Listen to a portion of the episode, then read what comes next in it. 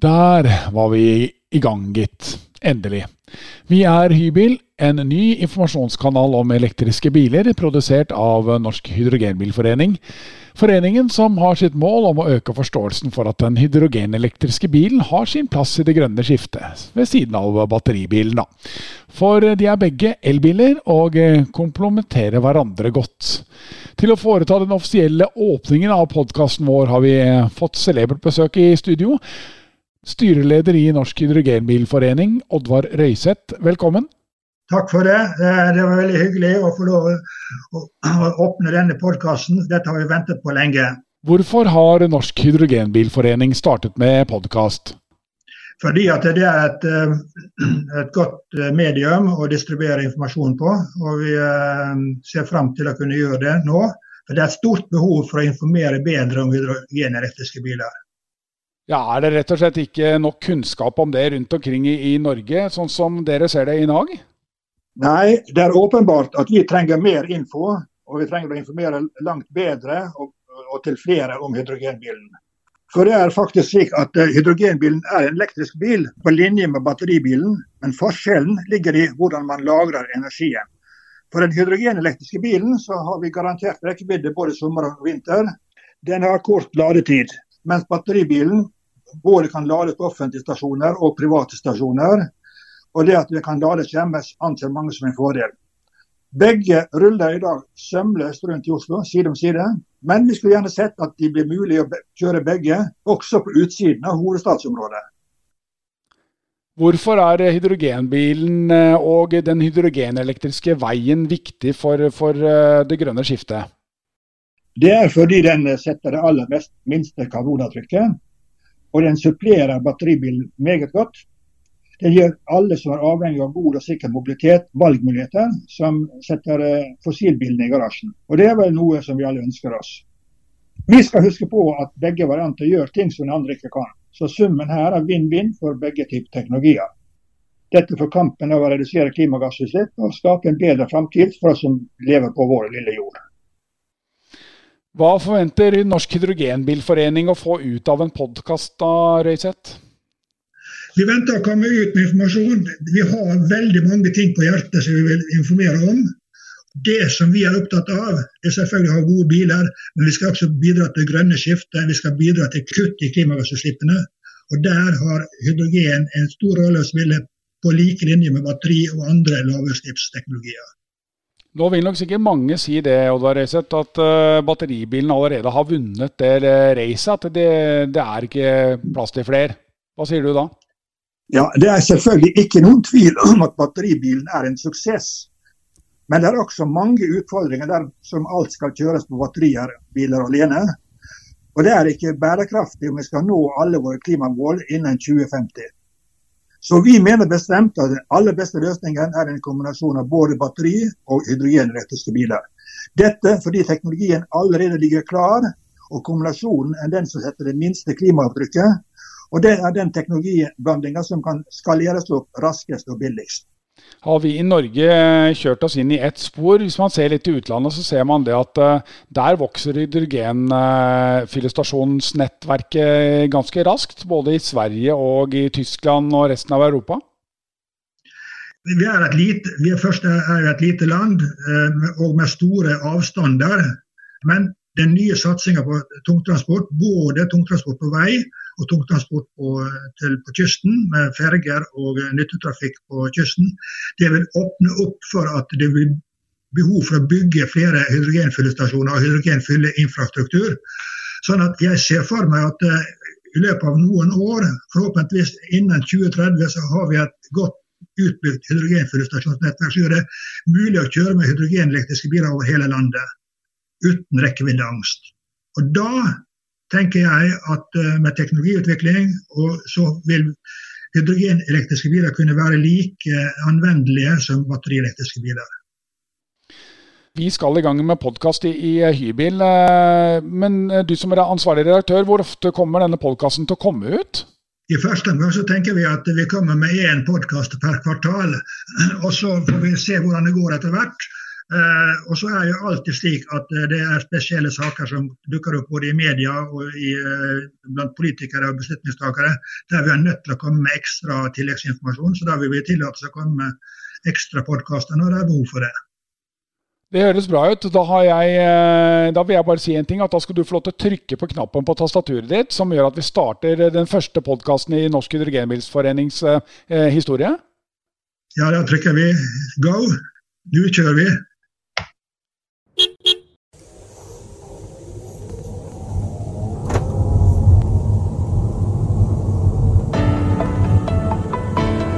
Den aller første gjesten i vår podkast, eh, er ansvarlig redaktør for landets eh, eneste rene hydrogen-nettavis, eh, Hydrogen24. Velkommen til hybel, Øyvind Paulsen. Tusen takk. Tusen takk. Dere gikk online tidlig i fjor. Hvordan har de første drøye 18 månedene vært for dere? De har vært travle, selvfølgelig. Og så har det vært en bratt læringskurve for undertegnede, som nok må innrømme at jeg ikke kunne så fryktelig mye om hydrogen på forhånd. Eh, og så skal jeg ikke påstå at jeg har blitt sånn superekspert ennå, men man, jo, man, lærer jo hele tiden, da. For dette er jo en bransje hvor det skjer ting stort sett hele tiden. Og det går fort, eh, og det er inntrykk fra alle kanter. Så her gjelder det egentlig bare å spenne beltet og holde seg fast. Det er et stort marked. Var det vanskelig å få oversikt over alt som skjer? Ja, det er det. Eh, og det er fortsatt en av våre største utfordringer. Eh, vi skulle selvfølgelig vært mange flere. For både i Norge er det det er, det er, ikke bare i Norge det er høy aktivitet, det er jo høy aktivitet i Norden, Europa og egentlig hele verden. Så eh, vi har, jo, vi har jo mest lyst til å skrive om eh, de norske og de nordiske aktørene. Men vi må jo også, i og med at hydrogenmarkedet er internasjonalt, så må vi selvfølgelig ha med litt om hva som skjer ute i Europa og resten av verden også. Så dette er en god miks. Så det er, det, det er det vi prøver å tilby. Hvordan står Norge i hydrogenmarkedet når vi skriver oktober 2023?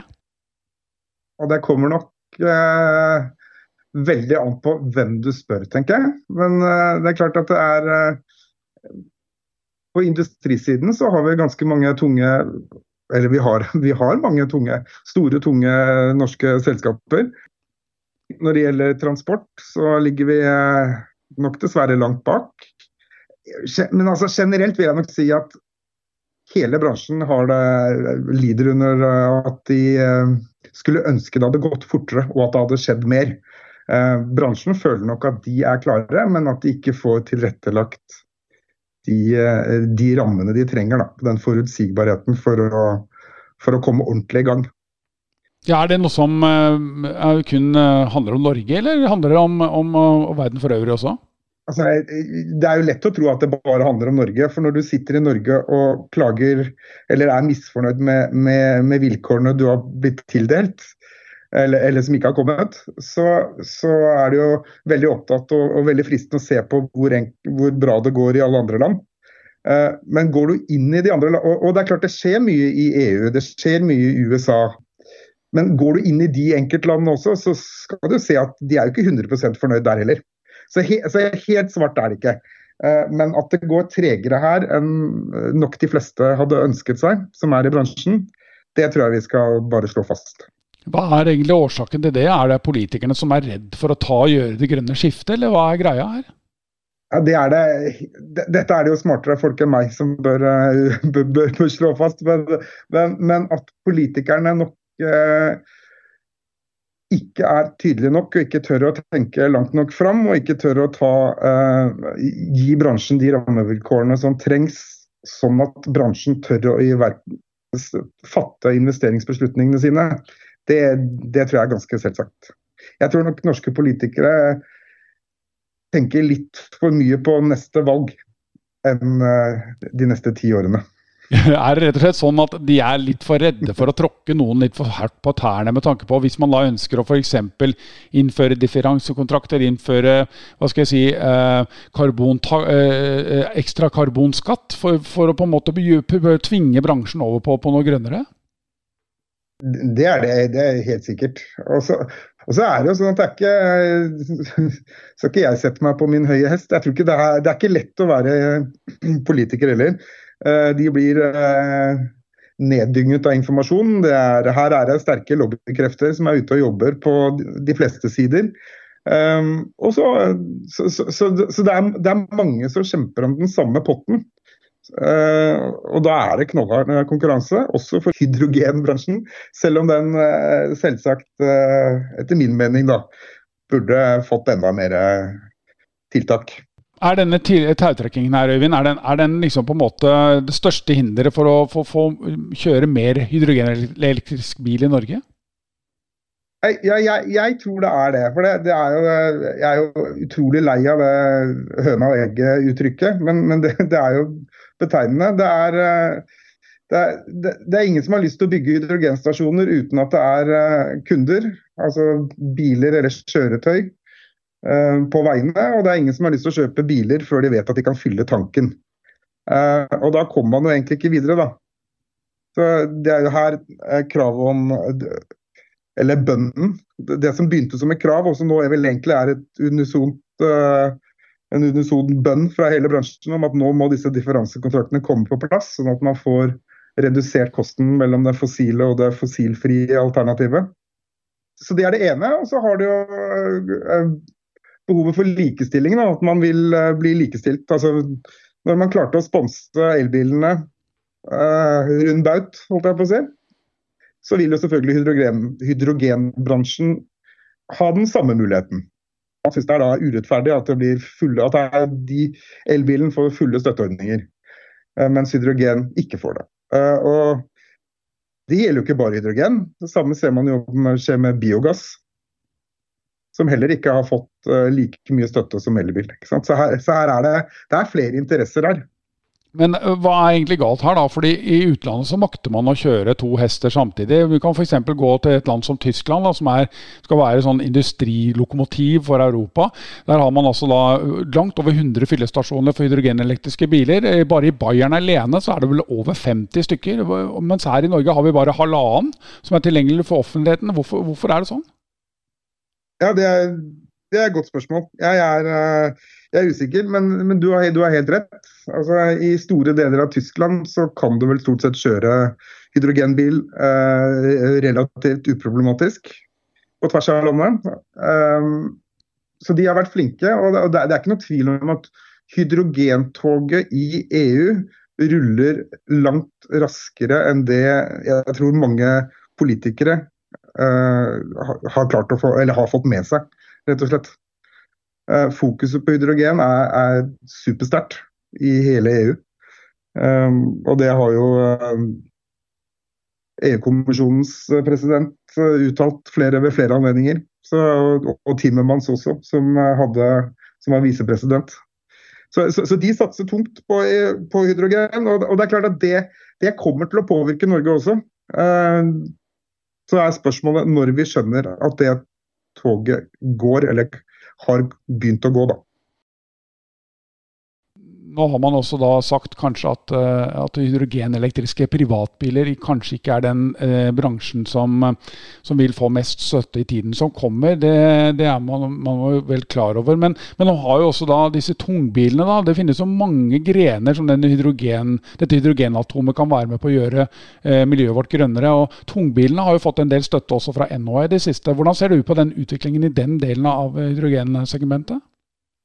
Altså, der tror jeg du har helt rett. Jeg tror at fokuset på når det gjelder privatbiler, den er nok på el. Så den, Per nå så tror jeg det er ganske Det er ikke der man skal legge ned mye krefter for å krangle. Eh, det jeg derimot tror, er at hydrogen kommer til å spille en viktig rolle på tungtransport. Eh, spesielt når det gjelder de, de, de lange distansene og de tunge lastene. Eh, og her har jo Norge den, i tillegg den utfordringen at vi er et altså Topografien vår og temperaturene vi har åtte måneder i året, tilsier at uh, hydrogen er gunstig på de lange og lengste og tyngste distansene. Det er det ingen tvil om, tror jeg. Og når man først bygger ut fyllestasjonsnettverket for tungtransporten, så kan man selvfølgelig Da åpner selvfølgelig også dørene for hydrogenbilene.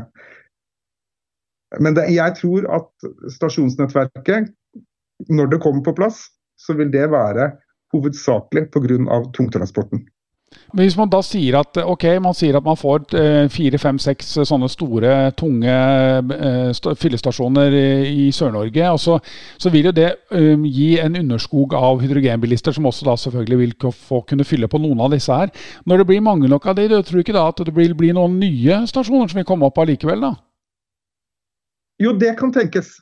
Og, og, og, jeg tror også at, at, at da, da, er man i gang. Da vil jo snøballen begynne å, å, rulle. Men for at snøballen skal begynne å rulle, så, er, så, er he, så tror jeg man, bransjen er helt avhengig av å få ut stasjonene til tungtransporten.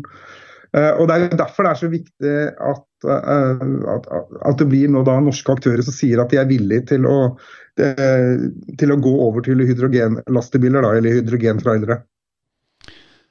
Vil man også kunne dra erfaring? Altså, det er jo mange steder i utlandet for eksempel, som, som omfavner hydrogenet mer enn det vi gjør i Norge. F.eks. i Sverige så har man en Capex på 100% på fyllestasjoner. Ja. Man ser også i Østerrike så satser myndighetene hardt. Der har Ikea gått inn en avtale på var det vel 60 mm. lastebiler. Eh, erfaringene derfra, vil de også på en måte spille inn i det norske markedet også i forhold til eh, beslutning om, om investering også i sånne prosjekter? Ja, det tror jeg nok. Og jeg, tror at jo flere kjente firmaer som begynner med hydrogen i en eller annen form At du har uh, Ikea i Østerrike har som du sier nå bestilt uh, disse varebilene som skal gå på hydrogen. Uh, men så har du jo BMS fabrikk i, i, i, Tyskland, er det vel. Du har Walmart flere steder i verden som også bruker hydrogen på gaffeltruckene sine. Så, så det, at, det, at, stadig flere tar hydrogen i bruk, uh, gjerne i det små, det, og at de lykkes med det, det tror jeg er superviktig. Men, men, men, er det sånn at vi er litt avhengig av at disse prosjektene her lykkes i forhold til uh, om det skal bli noe fyllestasjonsnettverk overhodet i Norge?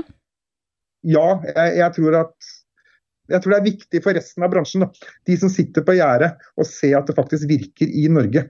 Ikke bare på en det er, det er, med, det er litt sånn som du skal kjøpe ny mobil, eller personbil også. ikke sant? Det er, det er, det er innmari fint å se den på, på, på PC-en, men eh, det er noe eget å gå i butikken og kjenne og ta på den.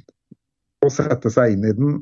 Kanskje få en prøvetur før du eh, bestiller selv. Så resepten er få spredd det utover og få prøvd ut mest mulig, så vil eh, snøballen rulle? Ja, ikke sant. Og, og, og, så er det sånn at når vi, når vi, sier at vi skal prøve det ut, så er det ikke sånn at vi prøver noe som Litt tilbake til det vi var innom i stad. Det, det, er ikke vi, vi, prøver ikke noe som er helt nytt. Vi prøver noe vi vet fungerer i andre fabrikker, i andre uh, markeder, i andre land. Uh, så nå skal vi bare få bekreftelse på at det også fungerer under norske forhold. Uh, og når, når, det er på plass, så, og, og, du i tillegg får tak i hydrogen i Norge, da tror jeg veien blir kort for flere. Der ligger fremtiden for hydrogenelbilen, også i Norge. Det er det ingen tvil om. Takk for at du var med oss, ansvarlig redaktør i nettavisen Hydrogen24, Øyvind Paulsen. Det er også hyggelig å kunne meddele at eh, Øyvind blir med oss i panelet videre utover de kommende episoder i Hybel også i fremtiden. Det er eh, bra. Dette var det. Åpningspodden er unnagjort, og vi gleder oss til fortsettelsen. Vi er Norges hydrogenbilforening, og du finner mer informasjon om oss og denne podkasten på hybil.no. Og har du tips eller ønsker til hva du vil at vi skal ta opp i episodene som kommer, eller eh, rett og slett bare litt ris eller ros, eller eh, et eller annet du har lyst til å drøfte med oss, bare drypp oss noen ord på tips krøllalfa hybel.no. Og du, det er nok ikke så veldig lenge til vi høres igjen, for mens vi har holdt på med innspillingen av denne podkasten, så har det kommet nye nyheter i hydrogensektoren, og også som berører våre hydrogenbiler. Så det er ikke så lenge til vi er tilbake, tenker jeg. Så hold deg i nærheten av din podkastspiller, du, så får du sikkert vite mer. Eller sjekk hybil.no. Ansvarlig redaktør for podkasten Hybil, det er Oddvar Røiseth. Mitt navn er Lars Andresen, og inntil vi høres igjen, så får du bare ha en fin dag og tid. Og ikke minst, ta vare på deg selv og dine nærmeste. Vi høres!